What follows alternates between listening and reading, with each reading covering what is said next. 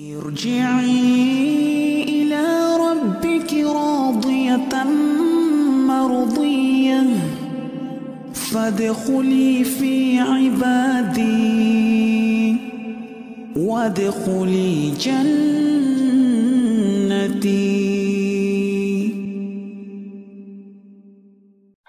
Baik, tanpa berpanjang waktu lagi, Anda persilakan kepada Ustazuna Ustaz eh, Dr. Muhammad Rizan untuk uh, melanjutkan kajian kitab Al-Iksir pada malam hari ini. Tafadhol Mas Ustaz.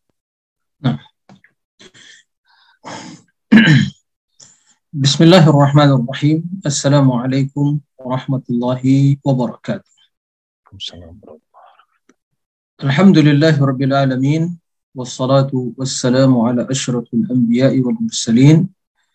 نبينا محمد وعلى آله وصحبه أجمعين ومن تبعهم بإحسان إلى يوم الدين أما بعد muslimin dan muslimat Bapak Ibu sekalian yang semoga senantiasa dirahmati oleh Allah tabaraka wa taala. Alhamdulillah puji dan syukur senantiasa kita haturkan kehadiran Allah tabaraka wa taala hati kita yang senantiasa berikrar dan meyakini bahwa seluruh nikmat dan karunia hanya datang dari Allah. Lisan yang senantiasa berzikir dan menyebut Allah, memuji, mengagungkan Allah dengan menyebut nama-nama dan sifat-sifatnya. Kemudian anggota badan kita digunakan untuk melakukan ketaatan dan ubudiyah kepada Allah karena itulah hakikat kesyukuran yang sesungguhnya. Alhamdulillah awalan wa akhiran wa zahiran wa batinan. Kemudian salat dan salam mari kita perbanyak ucapkan untuk Nabi yang mulia Nabi Muhammad sallallahu alaihi wasallam. Allahumma salli ala Muhammadin wa ala ali Muhammad. Bapak Ibu sekalian, kaum muslimin dan muslimat rahimakumullah. Kita lanjutkan pembahasan kita tentang kitab Al-Iksir seputar A'malul Qulub. Pembahasan kita masih berkaitan dengan topik At-Taubah. Dan telah jelaskan sebelumnya bagaimana ya, kegembiraan Allah Subhanahu wa taala terhadap taubat seorang hamba. Dan ini merupakan perkara yang harus diperhatikan oleh seseorang tatkala terjerumus ke dalam suatu kesalahan atau dosa hendaklah dia bergegas untuk bertaubat.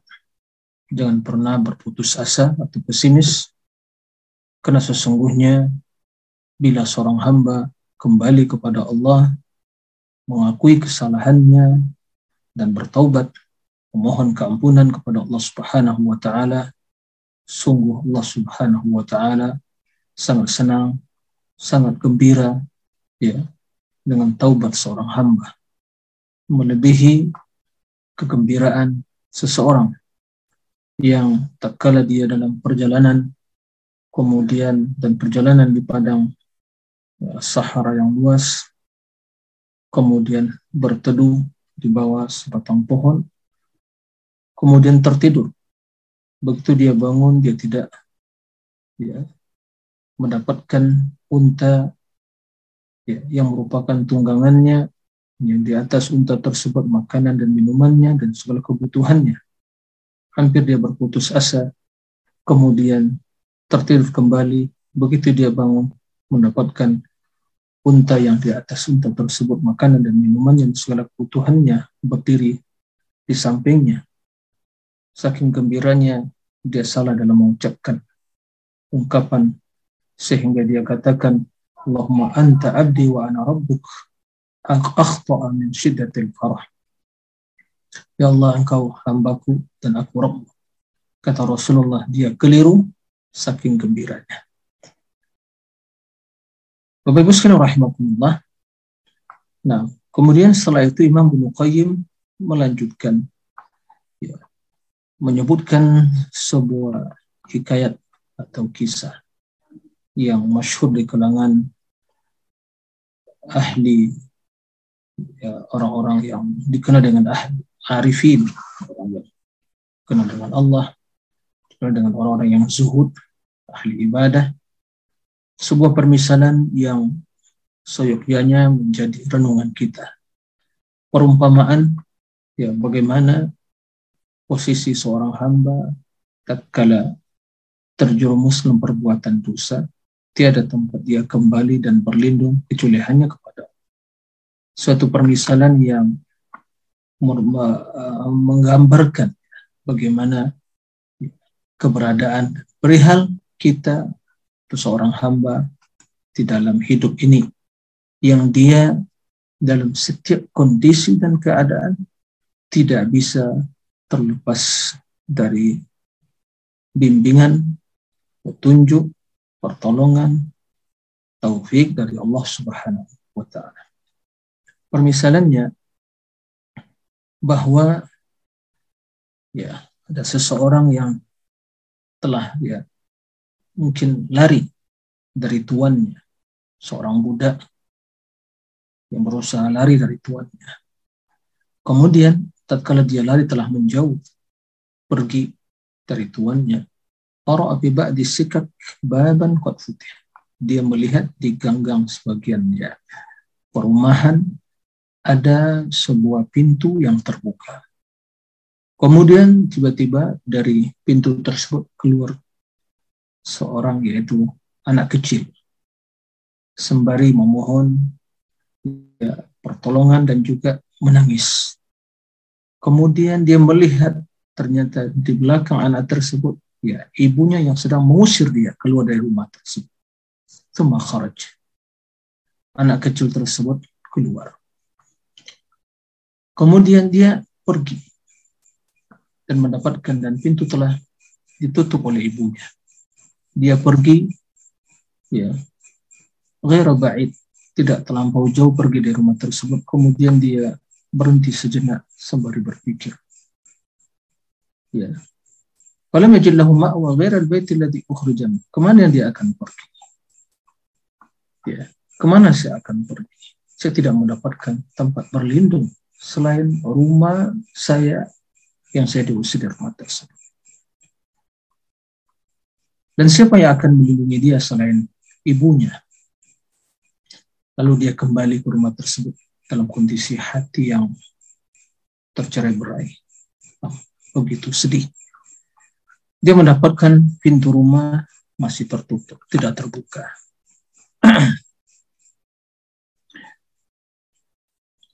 Kemudian, ya, lalu dalam kondisi seperti itu, dia tertidur dan berbantalkan, ya, uh, mungkin potongan kayu yang merupakan bagian dari pintu tersebut. Lalu tertidur. Begitu ibunya keluar dari rumah tersebut, dia melihat anaknya sedang tertidur depan pintu. Melihat kondisi seperti itu, ibunya tidak lagi bisa menahan dirinya. Ya. Tidak lagi bisa menahan dirinya melihat ya, buah hatinya dalam kondisi seperti itu. Lalu dia memeluk anak tersebut sembari mencium dan menangis. Sembari mengatakan kepada anaknya, Waladi, wahai anakku, Aina tadabat, ke mana kamu akan pergi dari diriku? Siapa yang akan melindungi dan menyelamatkan siwa selainku? Bukankah aku pernah mengatakan kepadamu, La khalid, jangan durhaka kepada. Wala tahmilni bi maksiatik ala khilafi ma jubiltu Jangan pernah berbuat maksiat yang menyebabkan aku menyelisih apa yang menjadi fitrah apa yang ada dalam diriku berupa kasih sayang pada ya, kasih sayang kepadamu. Wa iradatul khair dan keinginanku untuk selalu memberikan kebaikan kemudian dia mengambil anak tersebut ya mengambil anaknya wadakhalat kemudian membawa masuknya ke dalam rumah. Ini sebagai gambaran ya, renungan bagi kita. Begitulah sesungguhnya gambaran ya, potret kondisi kita dalam hidup ini. tatkala seorang hamba berbuat suatu dosa dan maksiat, dia menjauh dari Rabbnya Allah Subhanahu wa taala. Kemudian dia begitu berjalan terus terjerumus dalam perbuatan dosa tersebut. Ya, tatkala dia berpikir, dia akan bertanya kepada dirinya, wahai diri, ke mana kamu akan pergi? Ke mana kamu akan berlindung? Ke mana kamu akan memohon keselamatan? Maka tatkala itu dia ingat kepada Rabbnya, ingat kepada Allah. Kemudian dia kembali, ya, bertaubat, memohon keampunan, karena tidak ada yang akan bisa melindungi dia, menyelamatkan dia, kecuali hanya Rabb yang menciptakan dia. Nah, nah dalam kondisi seperti itu, tatkala Allah melihat ketulusan ya jiwa seorang hamba yang telah menyesali kesalahan, yang telah meratapi ya kesalahan dirinya dan dia telah kembali kepada Allah mengharapkan rahmat dan kasih sayangnya. Maka Allah Subhanahu wa taala dalam kondisi seperti itu sangat mencintai seorang hamba dan sangat senang tatkala seorang hamba tersebut kembali kepada Rabbnya. Karena tidak ada tempat dia berlindung, tidak ada tempat dia menyelamatkan diri kecuali hanya kepada Allah Subhanahu wa taala. Maka mari renungi kata Imam Ibnu Qayyim perkataan seorang ibu tatkala mendapatkan anaknya buah hatinya mendurhakai tidak taat, tidak patuh pada perintahnya. Sehingga membuat seorang ibu marah dan kecewa terhadap perbuatan tersebut. Yang kita semua memaklumi bagaimana kasih sayang yang telah ditanamkan dalam diri seorang ibu kepada anaknya. Tidak bisa dipungkiri dan tidak bisa hal itu dihilangkan dalam dirinya. Tapi sekali rasa uh, amarah tersebut muncul. Tapi bukan karena benci kepada anak, tapi karena sayang sesungguhnya. Sehingga seperti yang disampaikan tadi, kisah yang diutarakan Imam Ibn Qayyim. Mendapatkan anaknya dalam kondisi seperti itu, dia tidak bisa lagi menahan dirinya. Untuk tidak mengambil dan memeluk serta mencium anak tersebut menangis. Bukan karena ya menangis karena Eh, kegembiraan dari satu sisi dan juga kena sedih dari satu sisi. Yang selalu memperhatikan kebaikan untuk anaknya. Dan kondisi yang seperti itu sungguh kondisi yang ya menggambarkan bagaimana kegembiraan dan kasih sayang seorang ibu kepada anaknya. Tapi bila kita berikan perbandingan, kita komparasikan, berikan perbandingan antara kasih sayang Allah pada hambanya sungguh melebihi dari kasih sayang seorang ibu kepada anaknya. Maka kata Imam Ibnu Qayyim fata'ammal qaulahu sallallahu alaihi wasallam. Renungilah dan perhatikanlah sabda Nabi sallallahu alaihi wasallam. Lallah arhamu bi ibadihi min alwalidati bi waladiha.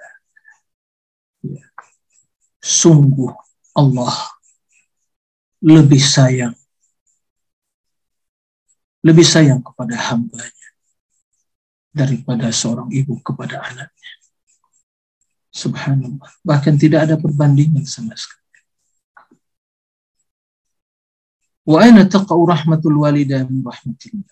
Dan di mana ada perbandingan antara kasih sayang seorang ibu dengan kasih sayang rahmat Allah. Ada perbandingan sama sekali. Wa idza aghdabahu al-abdi ma'siyati faqad istada'a min sarfatil karrahmah. Apabila seorang hamba melakukan perbuatan dosa dan maksiat yang menyebabkan Allah, Rabbnya, ya, murka kepadanya, sungguh yang demikian itu telah memalingkan rahmat Allah dari dirinya.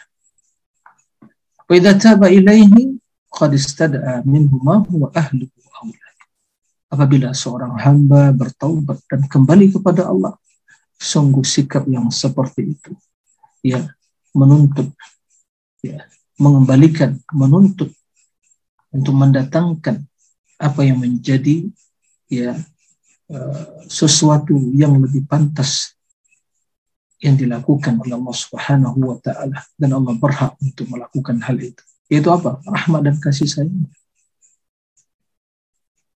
Kemudian kata Imam Qayyim, Fahadi nubda yasibah. Dan ini merupakan penjelasan yang ringkas. Yang memperlihatkan kepada kita tutli'uka ala sirri farahillah bitawbati abdi a'zama farahi hadihi hadha alwajib li rahilatihi fil ardil muhlika.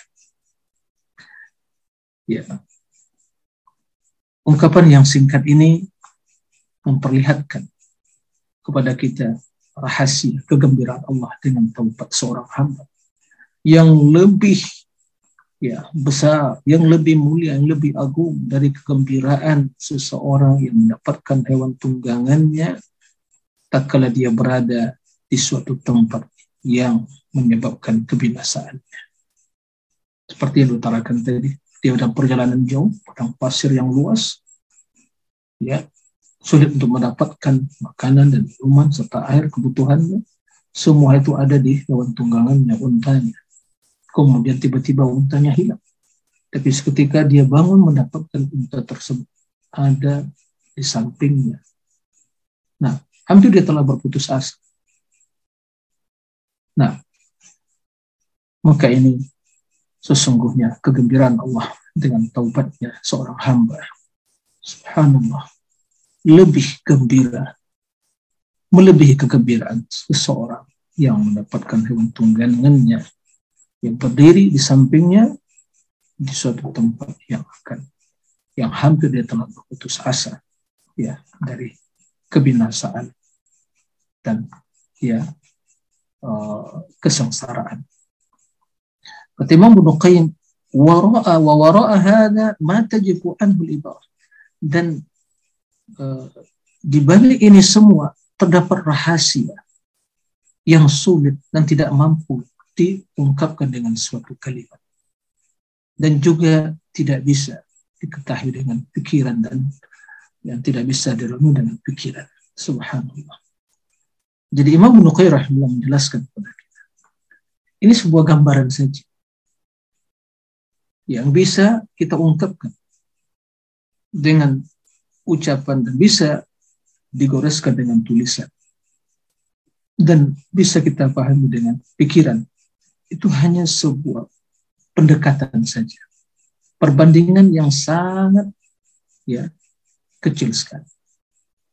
Tapi apa yang ada di balik itu semua dan berbagai rahasia ya hikmah dan rahasia dari kegembiraan Allah Subhanahu wa taala terhadap taubat seorang hamba suatu hal yang sulit diungkapkan dengan ibarat dengan ungkapan dan sulit untuk dijelaskan dengan tulisan dan juga dipahami dengan pikiran kita.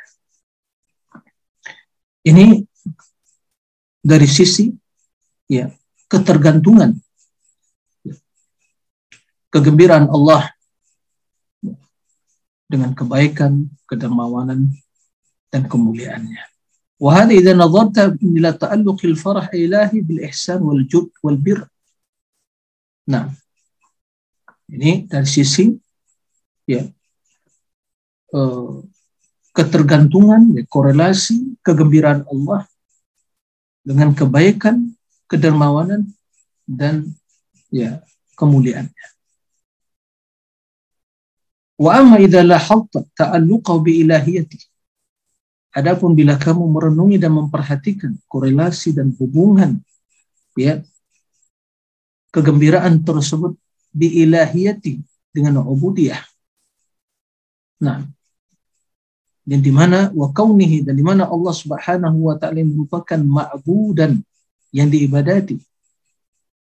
Maka ini wadzalika masyhadun ajallu min hadha min dan ini merupakan posisi ya maqam yang lebih mulia dari hal ini dan lebih agung lagi.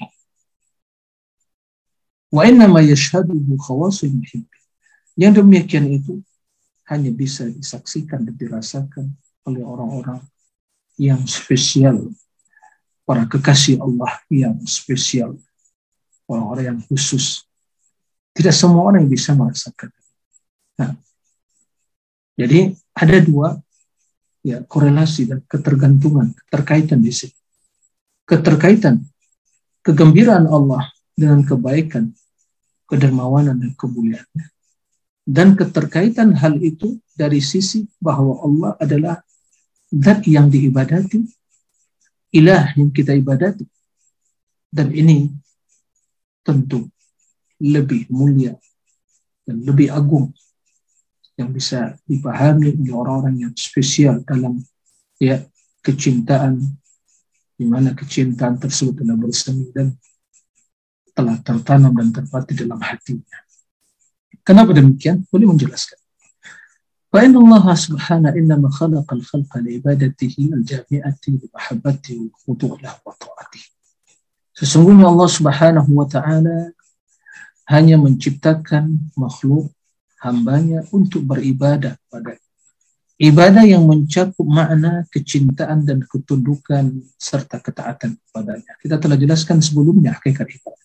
Ibadah itu hakikatnya ya ketulusan cinta dan kesempurnaan ketundukan dan ketaatan kepada Allah. Perlu dicatat ini. Ya, bahwa ibadah itu hakikatnya adalah suatu ya uh, aktivitas ya suatu amalan yang mencakup ketulusan cinta dan kesempurnaan ketundukan dan ketaatan kepada siapa? Kepada yang diibadati. Allah subhanahu wa ta'ala. Maka tidak ada arti ibadah bila tidak disertai dengan cinta yang tulus kepada yang diibadati. Ibadah yang hampa, Nah, dan inilah al-haqqul ladzi khuliqat bihi samawati wal ard. Dan inilah ya al-haqq kebenaran yang dengan kebenaran terus Allah ciptakan ya langit dan bumi. Wal arda wa ma bainahuma la'ibin. Ma khalaqnahuma illa bil haqq walakinna aktsarahum la ya'lamun. Kata Allah, kami tidaklah menciptakan, tidak menciptakan langit dan bumi itu laibin, bermain-main, sia-sia. Tidak. Ma khalaqnahuma illa bil haq. Tiada lain kecuali kami ciptakan keduanya dengan kebenaran. Yaitu agar makhluk manusia yang diciptakan oleh Allah bahkan juga penghuni langit diciptakan Allah hanya mengikhlaskan ibadah kepada Allah menjadi hamba Allah kan tapi kebanyakan manusia tidak mudah. Wahwa ghayatul khalqi wal amr. Dan itulah ya puncak dari tujuan penciptaan dan perintah. Maka tujuan diciptakan makhluk untuk beribadah. Dan perintah yang paling agung adalah ibadah. Allah Subhanahu wa taala menyebutkan dalam Al-Qur'an, "Wa ma khalaqtul jinna wal insa illa liya'budun." tidaklah kuciptakan jin dan manusia kecuali untuk beribadah kepada dan Allah ciptakan langit dan bumi agar kita kenal kepada Allah alladhi khalaqa sab'a samawati wa min al-ardi mithlahun yatanazzalu al-amru bainahunna lita'lamu anna Allah ala kulli syai'in qadir wa anna Allah qad ahata Allah menciptakan ya, sab'a samawat yaitu tujuh tingkat langit. Waminal ardi mithlahun dan tujuh lapis bumi. Kemudian perintah Allah turun di antara langit dan bumi tersebut. Agar kalian mengetahui Allah itu maha kuasa atas segala sesuatu. Dan ilmu Allah meliputi segala sesuatu. Begitu juga tujuan dari perintah. Makanya Allah Subhanahu wa taala menyebutkan dalam Al-Qur'an perintah yang paling utama beribadah dan larangan yang paling uh, utama adalah larangan dari berbuat syirik. Wa'budullah wa la tusyriku bisyai'an. Beribadahlah kepada Allah dan janganlah menyekutukannya dengan sesuatu apa. Nah, wa nafyuhu kama yaqulu ada'u wal batil. Nah, dan menafikan peribadatan tersebut ya yaitu mengibadati selain Allah sungguhlah suatu kebatilan. Nah, dalika bi anna Allah wal haq wa anna ma yad'una min dunihi wal batil. Nah, yang demikian itu bahwa Allah adalah zat yang diibadati dengan benar. Adapun yang diibadati selain Allah ada suatu kebatilan. Wal abath dan suatu hal yang sia-sia. Alladzi nazzaha nafsahu an. Ya. Suatu hal yang sia-sia Allah sucikan dirinya dari hal demikian itu. Artinya ciptaan tanpa ada hikmah dan tujuan. Mustahil. Wa huwa sudal alladhi nazha nafsahu anhu wa yatrukal insan alaih. Dan juga suatu perkara yang sudan. Itu dibiarkan begitu saja. Manusia yahsabul insan wa yutraka sudah tetap maka manusia mengira mereka dibiarkan, diciptakan, kemudian dibiarkan begitu saja. Ya, Maha suci Allah dari hal demikian itu. Sungguh hal itu bertentangan dengan hikmah Allah. Tapi mereka diciptakan untuk tujuan yang agung. Maksud yang mulia itu beribadah kepada Allah. Sudah, yaitu tidak diperintah, tidak dilarang. Mustahil. Ya. Bahwa subhanah ya yuhibbu an yu'bad wa yuta Allah Subhanahu wa taala sangat cinta untuk diibadati dan ditaati. Bukan karena Allah membutuhkan ketaatan dan ibadah kita, tidak. Allah tidak butuh. Wa ghaniyul hamid. Ya. Allah tidak butuh pada ibadah. Tapi Allah cinta terhadap ibadah yang kita lakukan dan ketaatan yang kita kerjakan. Karena Allah perintahkan hal itu. Wala ya'ba' bi khalqi syai'an mahabbatuhum. Allah tidak peduli. Ya. Dengan hambanya, dengan suatu apa pun. Kalau bukan karena kecintaan mereka dan ketaatan mereka kepada Allah. Jadi intinya, kecintaan kita kepada Allah dan ketaatan kepada itulah sesungguhnya yang memposisikan diri kita di sisi Allah Subhanahu wa taala. Sebenarnya ya, sebenarnya dan hakikatnya kita tidak butuh kepada kita. Kita mau taat tidak akan bertambah kekuasaan Allah kemudian. Ya. Nah, بل فما الظن بمحبوب لك تحبه حبا شديدا وأسره عدوك وحال بينك وبينه وأنت تعلم أن العدو سيسومه سوء العذاب ويؤرده لأنواع الهلاك وأنت أولى به منه وهو غرسك وتربيتك. ثم إنه إن فلت من عدوه ووافاك على غير ميعاد. فلم يفجأك إلا وهو على بابك يتملقك ويترضاك ويستعتبك ويمرغ خديه على التراب على تراب أعتابك فكيف يكون فرحك به وقد اختص اختصصته لنفسك ورضيته لقربك وآثرته على سواه Lalu bagaimana ya sekiranya Ramadan bagaimana pendapat bimahbubin dengan seorang kekasih lak kasihmu yang engkau mencintainya kecintaan yang sungguh sangat besar. Kemudian wa asarahu kemudian ada musuhmu yang sedang ya menawan dia. Ya jadi tawanan. Wahala bainak wa bainah kemudian dihalangi antaramu dengan dan engkau mengetahui bahwa musuh tersebut akan ya, menimpakan kepadanya berbagai azab. Azab yang sangat pedih. Ya. Wa yu'aridu li anwa'il halak dan akan ya menjurumuskan dia ke dalam berbagai bentuk kebinasaan. Wa anta aula bihim sementara engkau lebih utama ya, dan mengkasihmu dari musuh tersebut.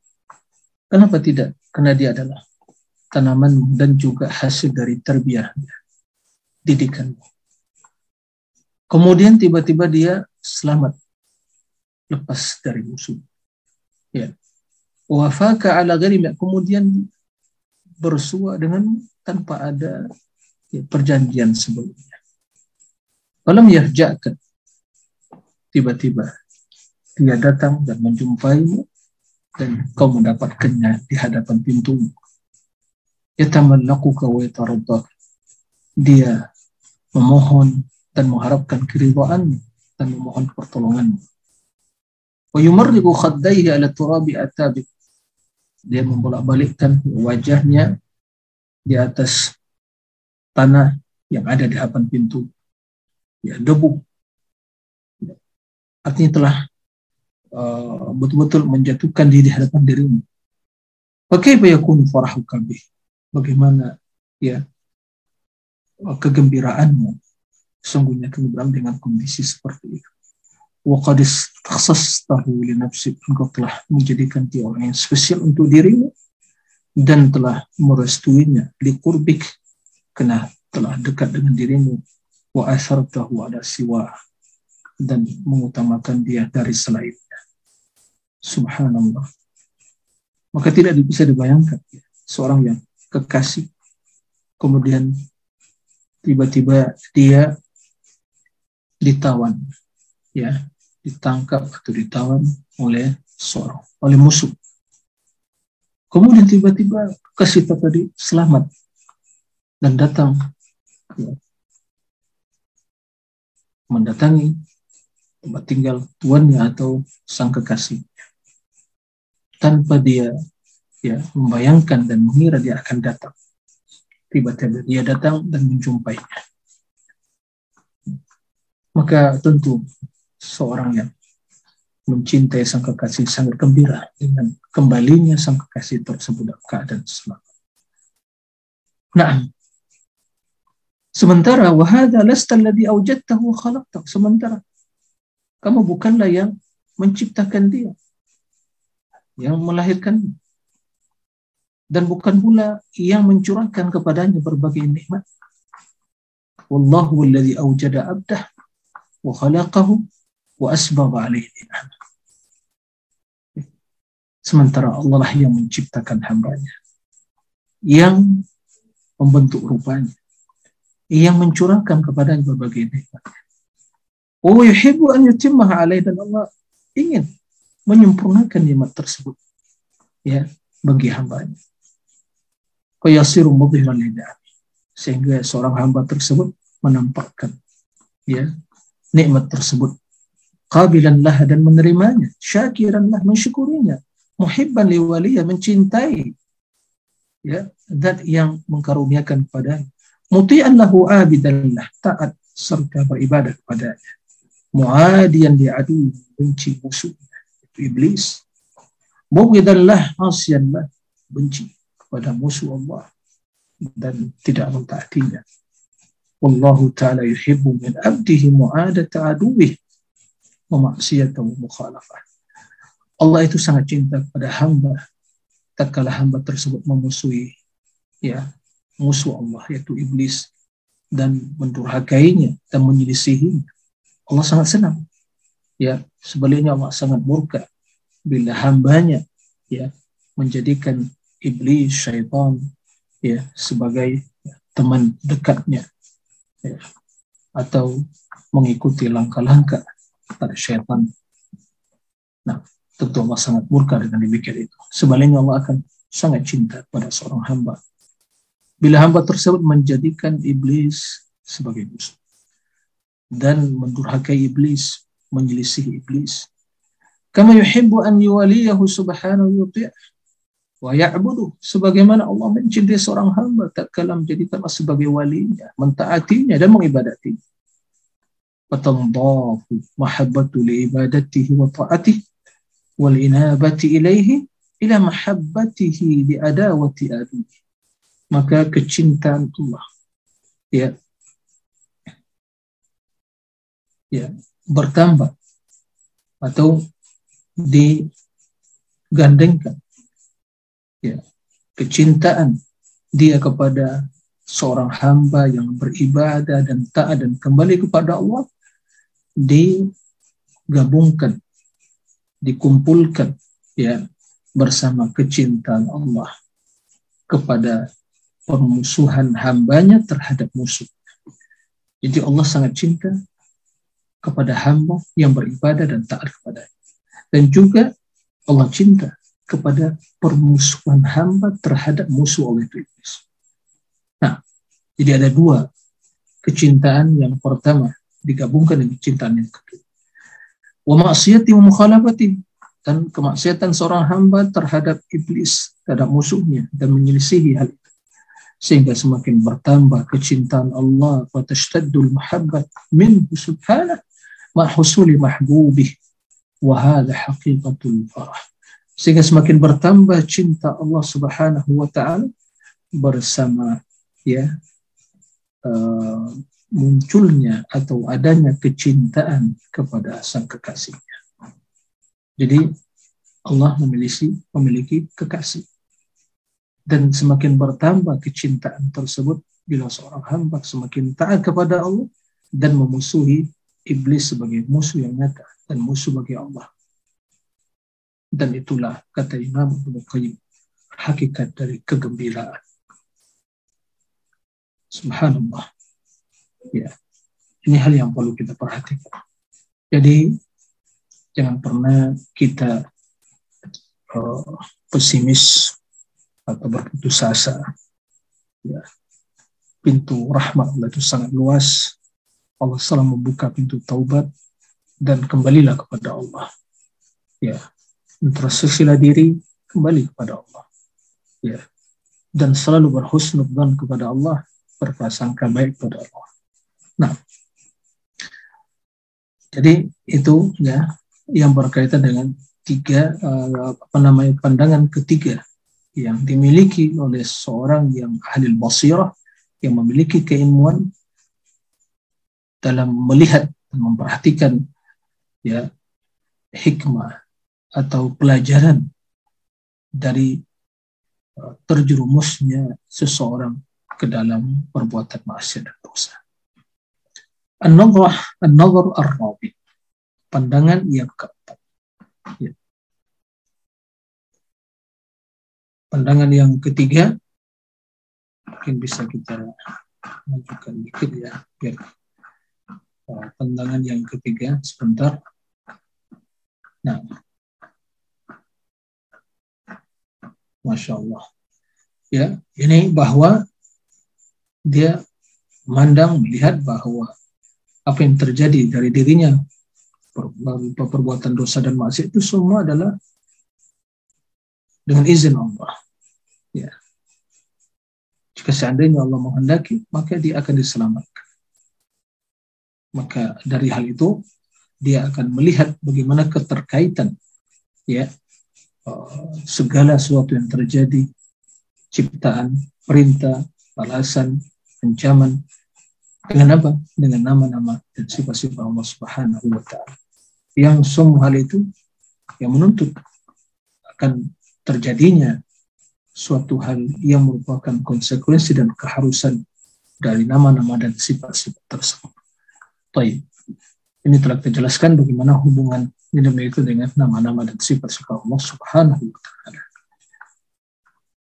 Kemudian pandangan yang keempat yang dimiliki oleh seseorang yang memiliki basirah, keilmuan, ya, pemahaman, dia akan melihat ya, bila dia terjerumus ke dalam perbuatan dosa dan maksiat, an-nazar ila mahallil jinayah wa masdariha.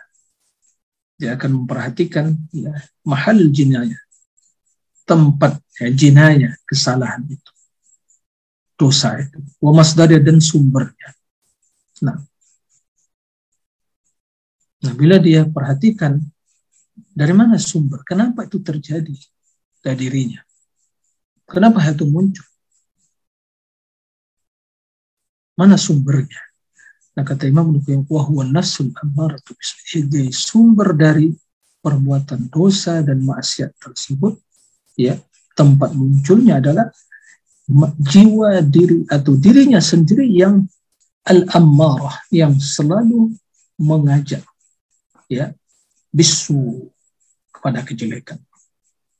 Nah, oleh karena itu nama Al-Quran disebutkan wa ma ubarri'u nafsi inna nafsa la ammaratu bisu illa man rahimah.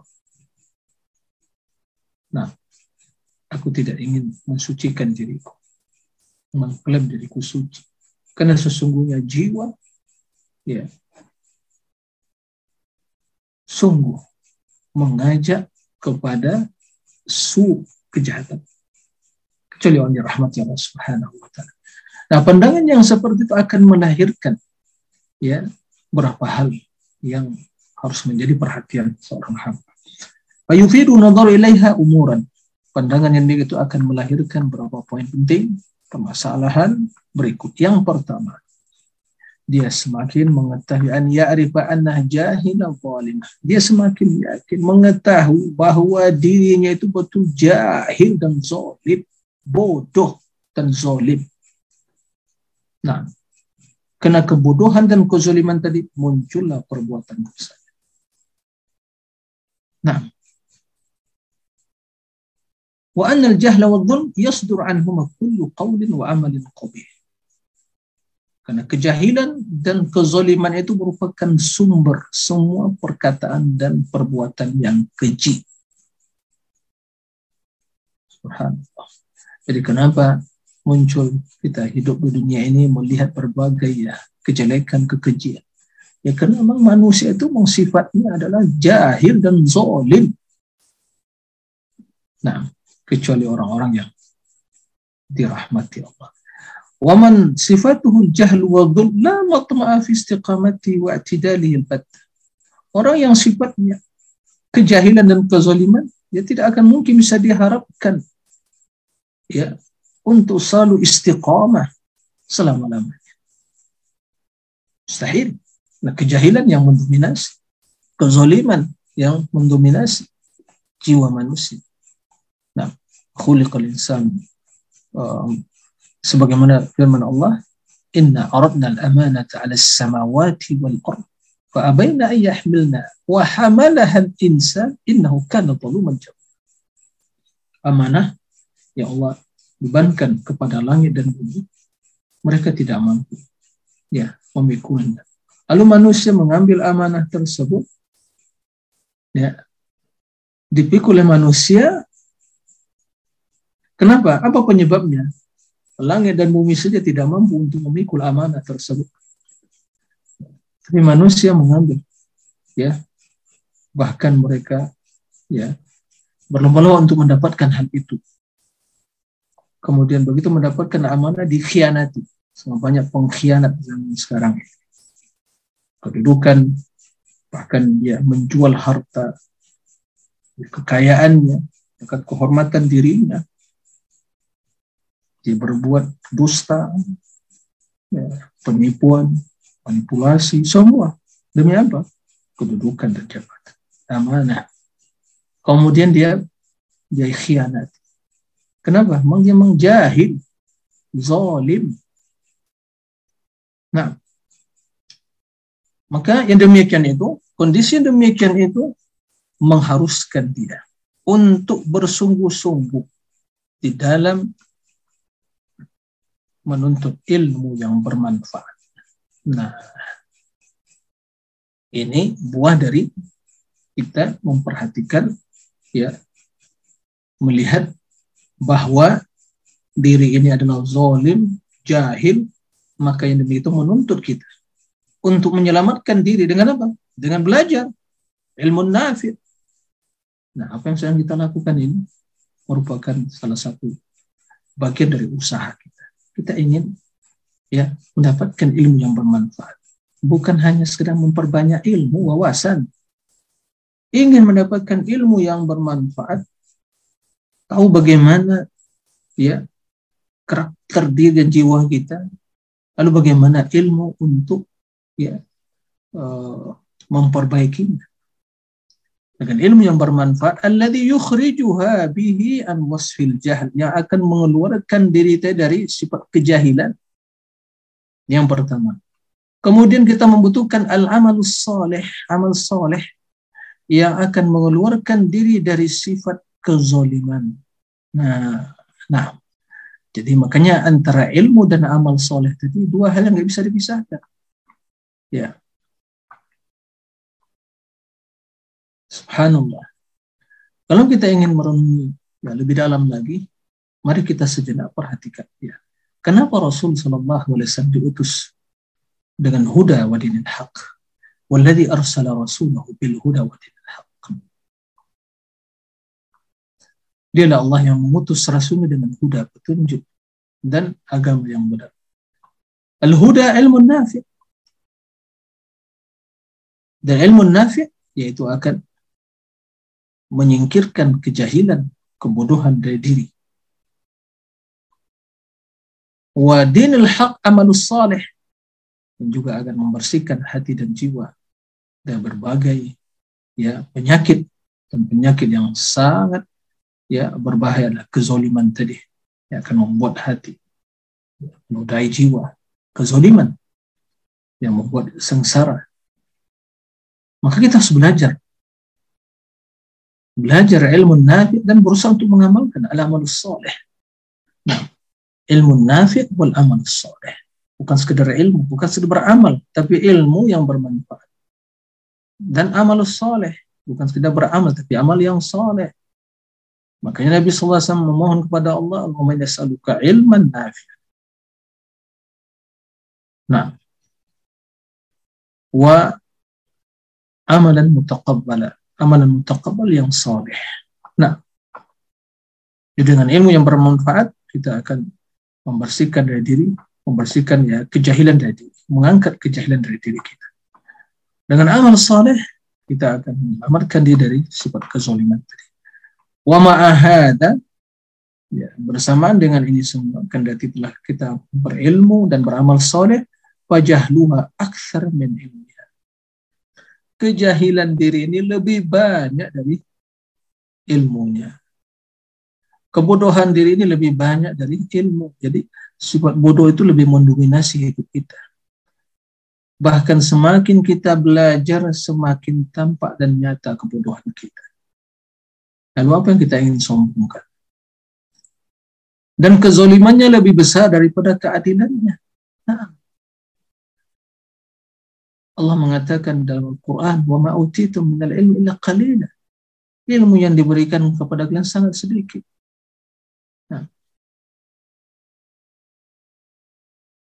Imam Imam Asy-Syafi'i pernah mengatakan, "Kullama izdada kullama izdad wa kullama ilman izdada ilmi bijahli." Semakin bertambah ilmuku kata Imam Syafi'i, semakin bertambah pula ilmuku, pengetahuanku tentang kebodohan diri.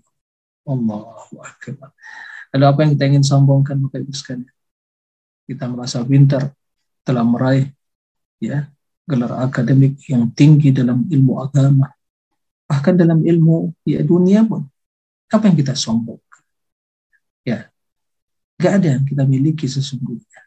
Secuil keahlian ya sivilisasi yang kita miliki apa yang kita sombongkan tidak pantas. Ya. Maka di sinilah ya sesungguhnya bahwa buah dari ilmu tersebut akan menambah ketundukan dan ketawaduan seseorang. Ya. Maka di antara tanda ilmu yang bermanfaat itu kullama izdada ilmu izdada tawadu. Wa semakin bertambah ilmu semakin tawadu semakin takut kepada Allah Subhanahu wa taala. Baik. Wa haqiqun biman hadha sya'nu an yarghab ila khaliq. Maka sudah pantas ya.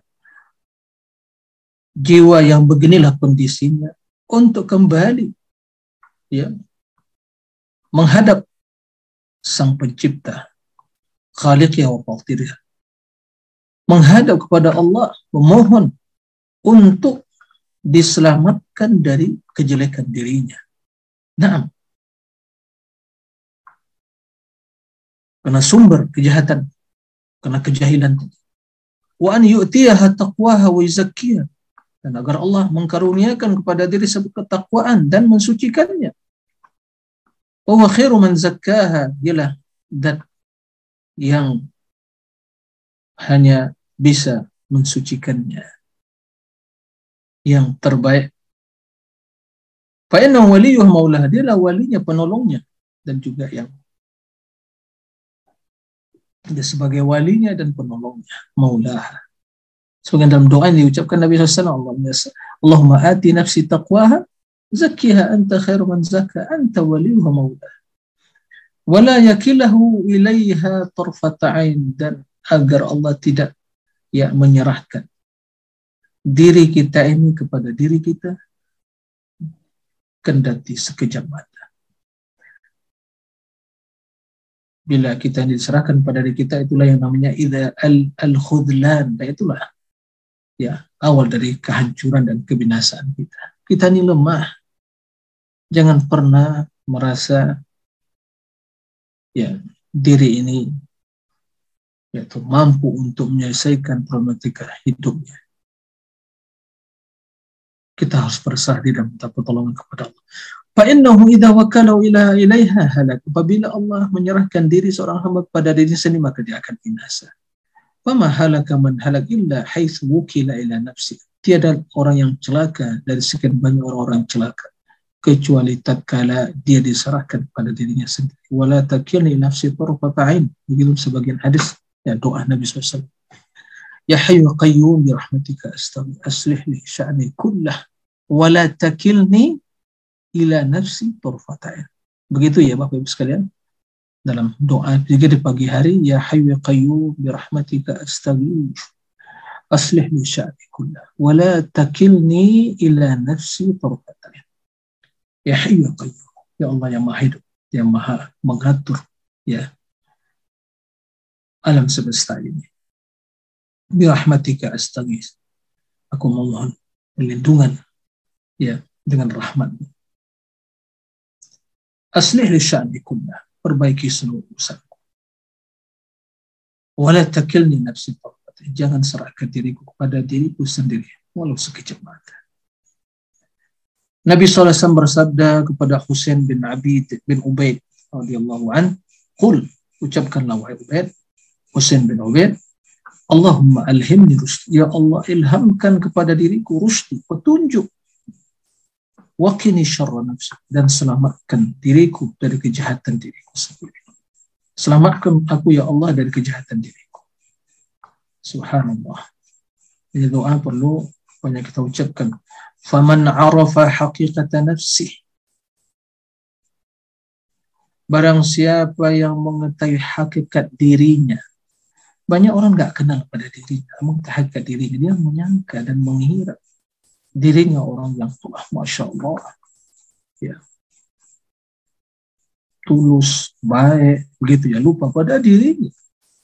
Diri yang subhanallah yang qasir. Diri yang punya dosanya. Yang sangat lemah sangat terbatas sangat kotor jahil dia. Wa matubiat alaih. Dan apa yang menjadi sifat karakter dari diri tersebut Barang siapa yang mengetahui hakikat dirinya dan karakternya, ya, alima annaha manba'us. Dia akan mengetahui bahwa dirinya sendiri itu merupakan sumber manba kulli syarr. Setiap kejahatan. Wa ma'wa kulli su dan tempat ya tempat segala kejelekan. Wa anna kulla khairin fiha dan seluruh kebaikan perhatikan Bapak seluruh kebaikan yang ada pada diri kita. Fafadlun minallah mannallah manna bi'alih adalah karunia yang Allah curahkan kepada diri tersebut. Lam yakun minha, bukan dari diri itu sendiri. Sebagaimana firman Allah, walaula fadlullahi alaikum wa rahmatuh, ma zaka minkum min ahadin abada. Kalau bukan karena karunia Allah dan rahmatnya kepada kalian. Maka tidak ada seorang pun yang akan suci di antara kalian selama-lamanya. Artinya tidak akan ada orang yang baik di antara kalian selama-lamanya. Jadi kebaikan yang ada pada diri kita bukan daripada diri kita. Karunia dari Allah. Jangan mengira kecerdasan yang kita miliki, kesolehan, ibadah, ilmu, itu semata dari diri kita. Keliru pandangan yang seperti itu. Itu semua karunia dari Allah. Nah, kita berusaha. kita melakukan sebab-sebab dan wasilah sarana untuk mendapatkannya. Tapi semua hal itu siapa yang memudahkan? Siapa yang meringankan? Siapa yang memberikan kesempatan dan peluang untuk bisa melakukan hal itu? Allah. Nah, oleh karena itu, walaula fadlullah alaikum wa rahmatuh, ma minkum min hadin abada. Kalau bukan karena karunia Allah dan rahmatnya kepada kalian, tidak ada yang akan suci ya seorang pun di antara kalian selama-lamanya. Semoga Allah membimbing kita semua untuk mengenal diri kita sehingga kita semakin sadar ya semakin memahami hakikat dan kondisi yang sesungguhnya yang ada pada diri kita. Nah, Allahumma amin. Demikian. Allahu Masya Allah. Jazakallah khair Ustaz atas pencerahannya. Ini, nah. nah. Ini udah ada banyak sekali pertanyaan yang masuk di kolom chat nih Ustaz. Nah. Uh, coba itu dulu ya. Sebentar.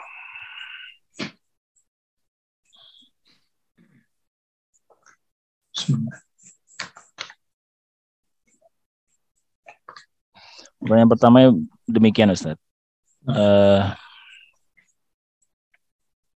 Ana punya paman, beliau sudah meninggal dan beliau belum melunasi hutang senilai belasan juta ya.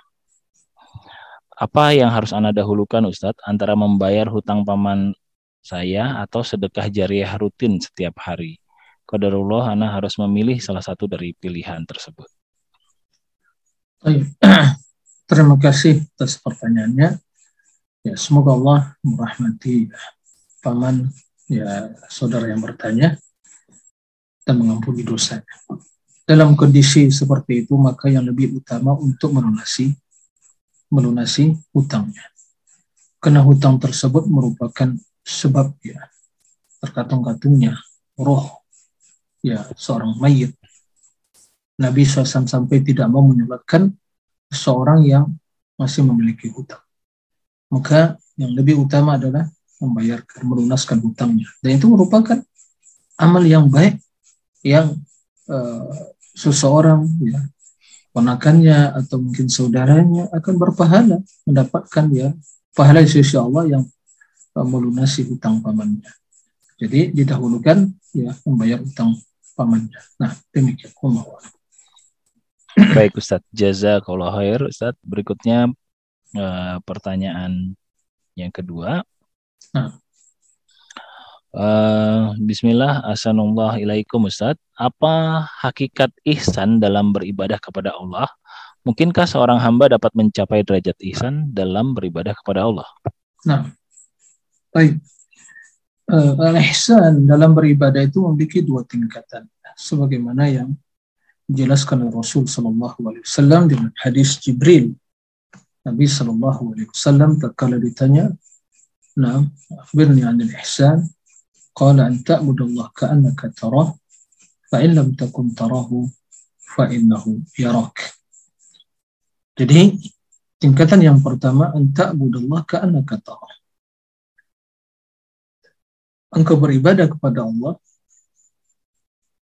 ka'annak seolah-olah kamu melihat Allah. Nah, jadi ya eh, pemahaman yang seperti itu yang harus dihadirkan dalam diri. Pengetahuan yang seperti itu yang harus dihadirkan dalam diri. Nah, kita yakin tidak akan mungkin bisa melihat Allah di dunia ini. Tapi di dalam beribadah, kita menghadirkan pengetahuan seolah kita melihat Allah maka tentunya kita akan mempersembahkan kepada Allah yang terbaik yang mampu kita lakukan. Nah, dan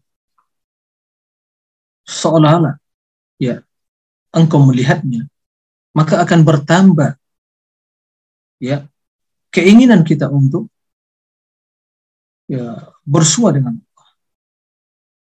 Dan juga hal itu kita akan selalu mencari dan menuntut hal itu.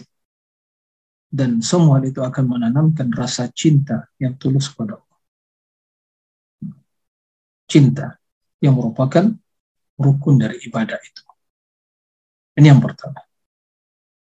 Bila hal itu tidak akan mungkin terlaksana, artinya tidak akan mungkin seseorang bisa melihat Allah di kehidupan dunia ini, kata Nabi SAW, I'lamu fa'innakum lan tarau rabbakum hatta tamud. Ketahuilah kalian tidak akan bisa melihat Rabb, melihat Allah sampai kalian meninggal. Maka seorang hamba menghadirkan tingkatan yang kedua. Fa'in lam takun tarah fa'innahu yarak. Jika engkau tidak bisa melihatnya, maka yakinlah bahwa Allah selalu melihat, selalu memperhatikan. Maka tertanam dalam diri seorang hamba sifat takut dia akan selalu berusaha untuk lari. Lari dari siapa? Lari dari Allah kepada Allah. Apa maksudnya?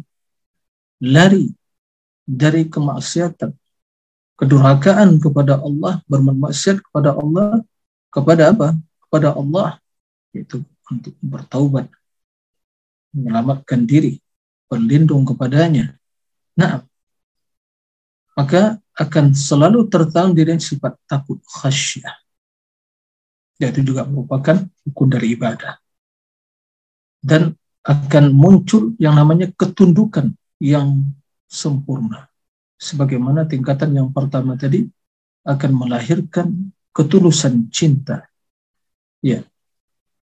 Adapun yang kedua akan melahirkan kesempurnaan, ketundukan dan kepasrahan kepada Allah. Maka kembali kepada maksud dari ibadah tadi, ibadah yang mencakup ketulusan cinta kepada Allah sang uh, uh, Rob yang diibadati dan kesempurnaan ketundukan dan ketaatan kepada yang ditaati itu Allah. Maka itulah hakikat ihsan. Tentunya juga hakikat ihsan dalam beribadah yang memenuhi dua syarat yaitu keikhlasan dalam beribadah kepada Allah dan mengikuti tuntunan Rasulullah Shallallahu Alaihi Wasallam. Ya, tidak berbuat syirik besar atau kecilnya dan tidak berbuat bid'ah.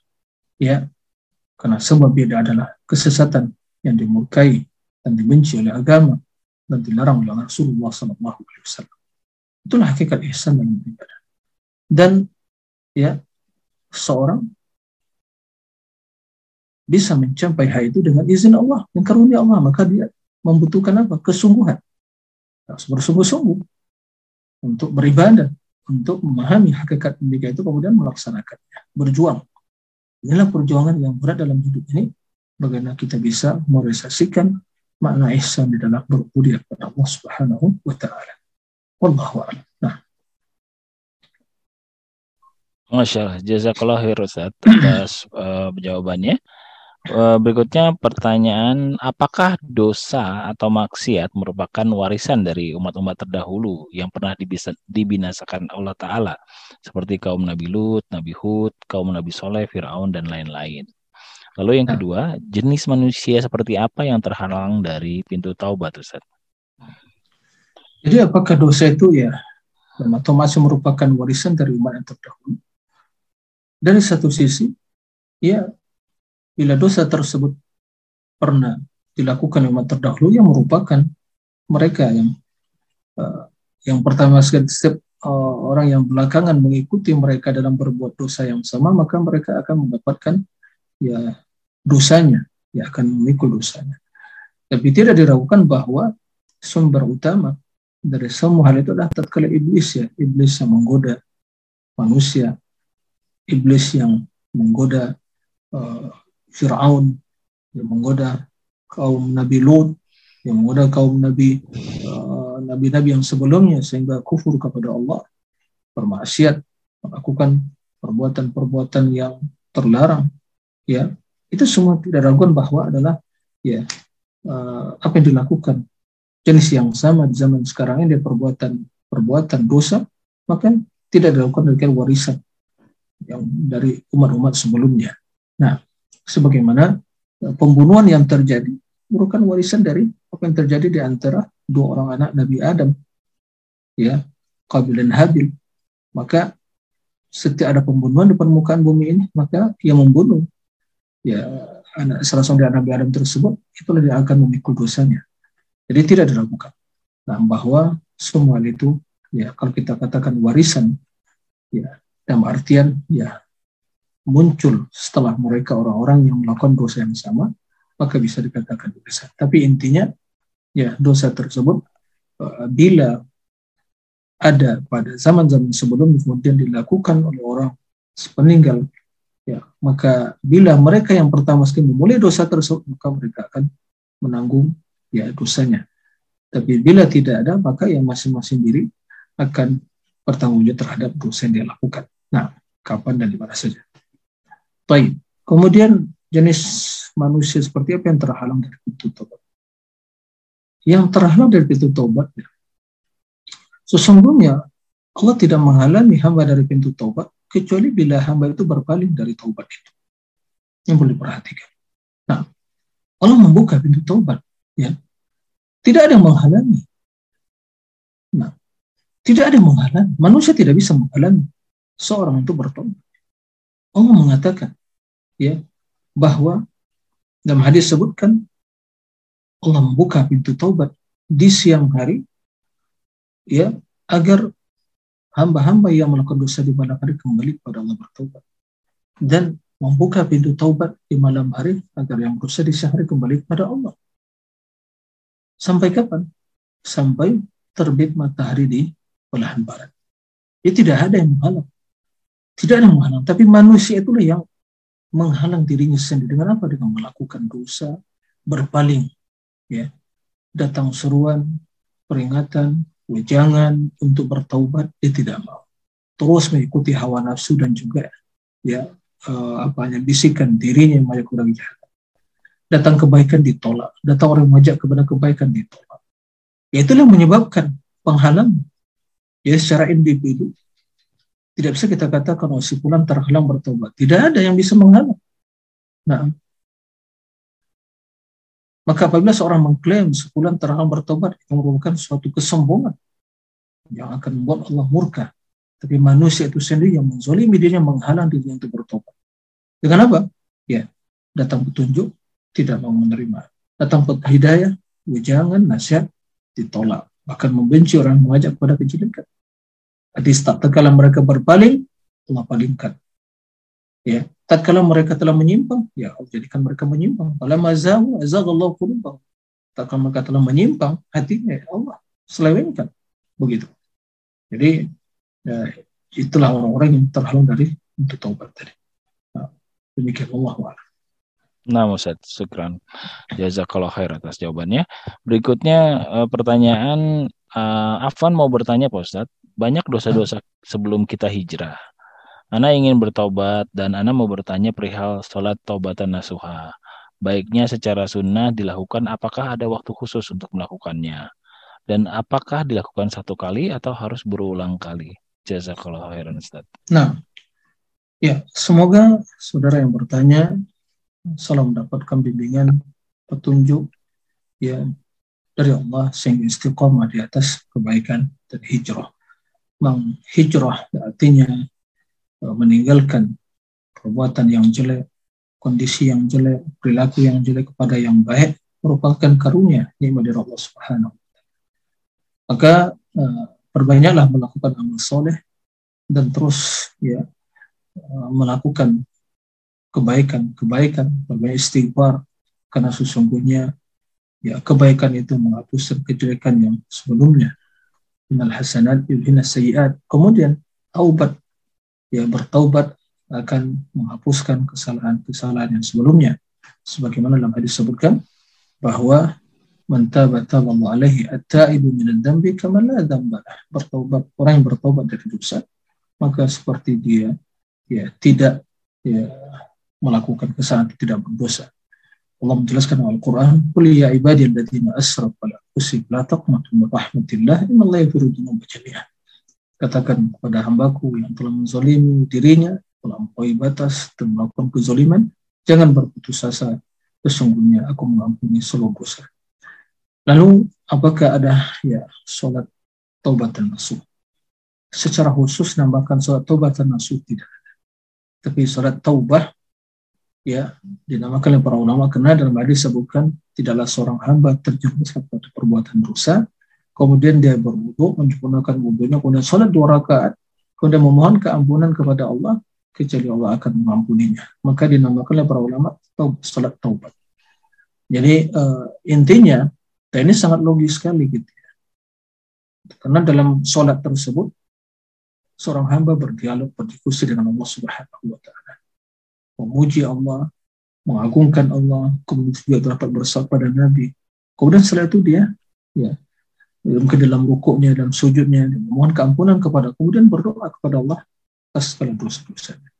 Maka ya, hal demikian itu dilakukan kapan saja, terutama seorang hamba bila terjerumus dalam perbuatan dosa. Tapi dilakukan di waktu-waktu yang tidak terlarang. Ya, dilakukan di waktu yang tidak terlarang. Maka baik di siang hari, di malam hari, tidak ada masalah.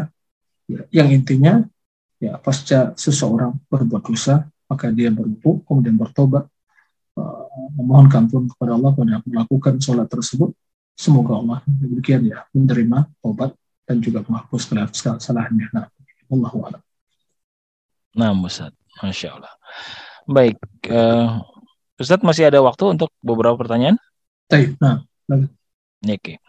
Ini ada tiga pertanyaan nih Ustaz. Uh, Pertama, bagaimana pandangan Ustaz terhadap orang yang kelihatannya alim dan dianggap ulama mengaku selalu mimpi bertemu Rasul dan ketika melakukan kelalaian merasa ditegur langsung oleh Rasul dan hal ini diceritakan kepada jamaahnya. Oke. Nah, lalu kedua, bagaimana cara kita mendeteksi diri bahwa kita menzolimi diri kita dan orang lain? Yang ketiga ini menarik Ustaz. Apakah dengan nah. mengikuti kajian online seperti ini sudah cukup bagi seorang muslimah yang tidak memiliki mahram untuk menambah ilmunya dan tidak perlu ke majelis offline untuk menghindari fitnah Ustaz? Baik. Terima kasih. Pertanyaan yang pertama. Ya, jadi ada seorang yang kelihatan alim dan agak ulama mengaku mimpi bertemu Rasul. Ketika melakukan kesalahan, ya katanya ditegur langsung dari Rasul. Ya. Dan itu diceritakan kepada jamaah. Tayyib. Ini merupakan salah satu dari talbis iblis. Ya. Jadi, talbis iblis.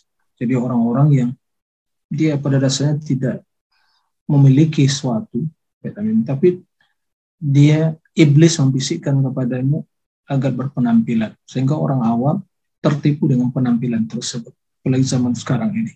Ya. Dia bukan seorang yang alim ya.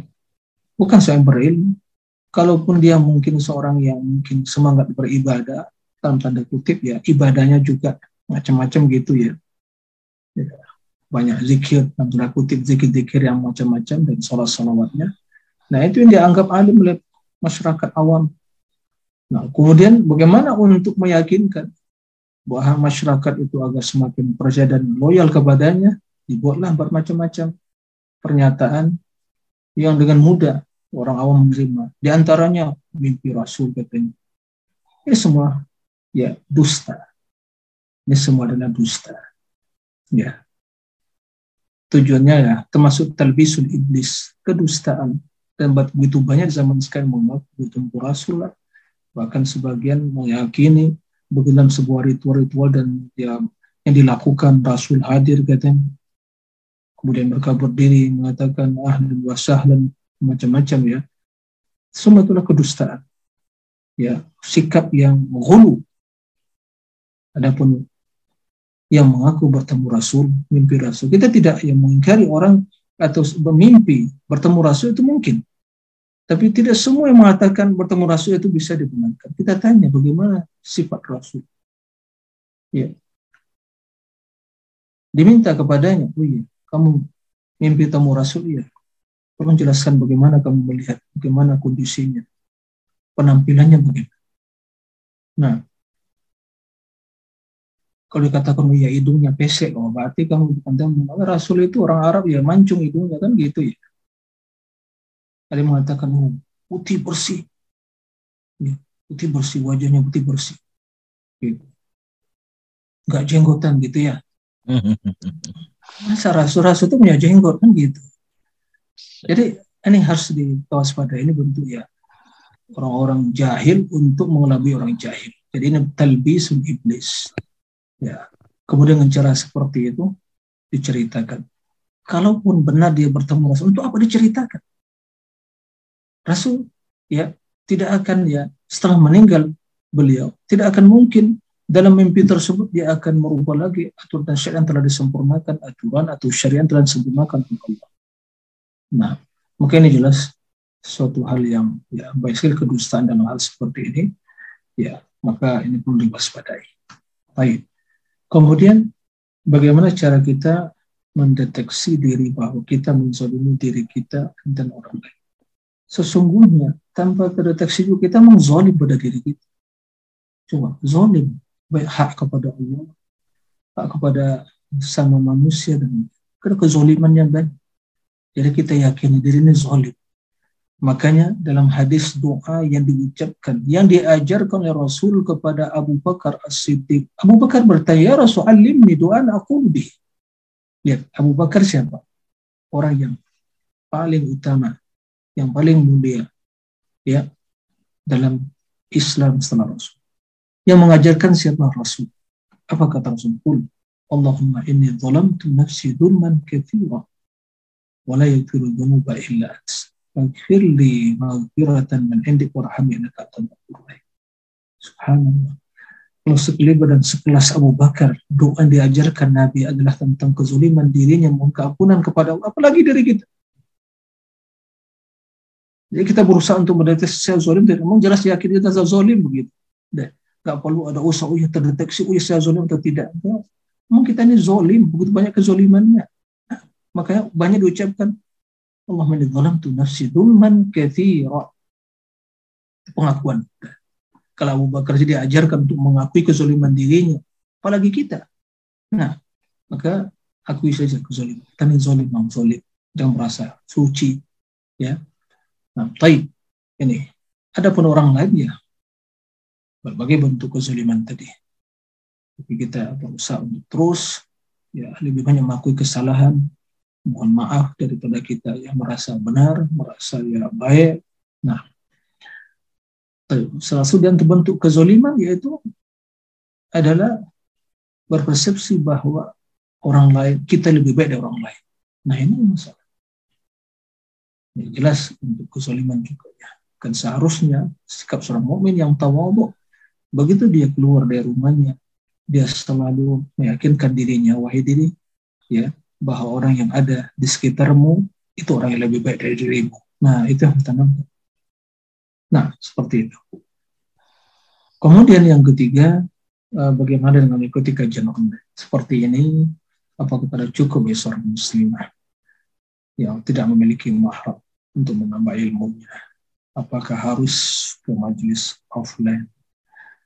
Ya, dalam hal ini tentu kita katakan Ya, Alhamdulillah di zaman sekarang ini dimudahkan oleh Allah berbagai media dan sarana untuk belajar. Ini kita harus ya wajib bersyukur kemudahan yang luar biasa.